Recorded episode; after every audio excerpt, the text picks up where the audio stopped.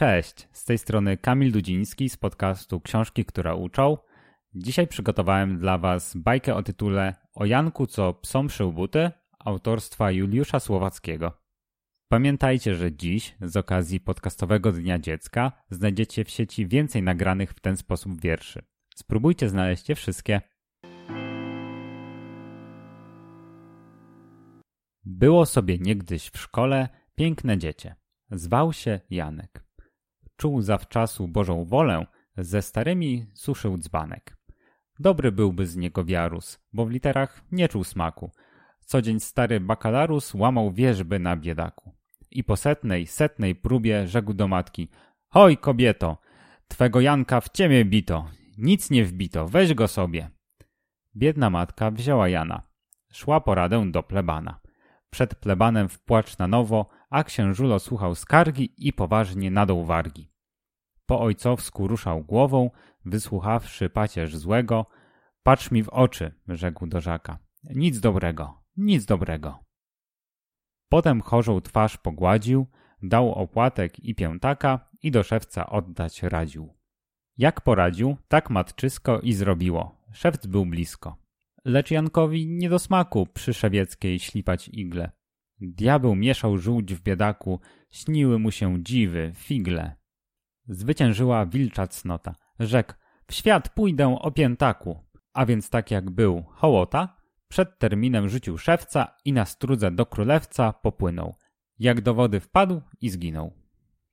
Matka w płacz łamała dłonie, a ksiądz pleban na odpuście przeciw dziadkom i rozpuście grzmiał jak piorun na ambonie. W końcu dodał, bogobojna trzutko moja, bądź spokojna, co ma wisieć, nie utonie. Mały Janek, gdzie się chował, przez rok cały zgadnąć trudno. Wsiadł na okręt i żeglował i na jakąś wyspę ludną przypłynąwszy wylądował. Owdzie król przechodził drogą. Jaś pokłonił się królowi i dworzanom i ludowi, a kłaniając szastał nogą, tak układnie, że król stary włożył na nos okulary. I wnet tymże samym torem, dwór za królem, lud za dworem, powkładali szkła na oczy.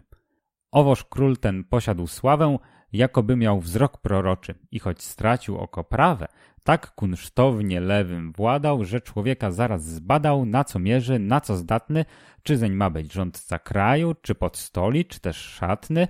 Lecz tą razą wbrew zwyczaju król pan oczom nie dowierza. Czyż Żak Janek na tancerza? Czy na rządcę dobry kraju? Więc zapytał, mój kochanku, jak masz imię? Janek. Janku. Cóż ty umiesz? Psom szyć buty. A czy dobrze? Oj, tatulu, czyli raczej panie królu, jak szacuję, ręczyć mogę, że but każdy ostro kuty i na jedną zrobię nogę, czyli raczej na łap dwoje, to na zimę, z letnich czasów but o jednym szwie wystroję, na opłatku bez obcasów. A robota takiej wiary, że psy puszczaj na moczary, suchą nogą przejdą stawy.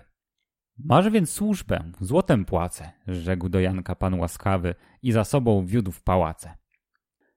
A gdy dzień zaświtał czwarty, szkły na łowy w butach harty, a szewc hartów w aksamicie przy królewskiej jechał świcie, złoty order miał na szyi. W trzy dni został szambelanem, w sześć dni rządcą prowincji, w dni dwanaście został panem. Starą matkę wziął z chałupy, król frejliną ją mianował, a plebana pożałował w biskupy.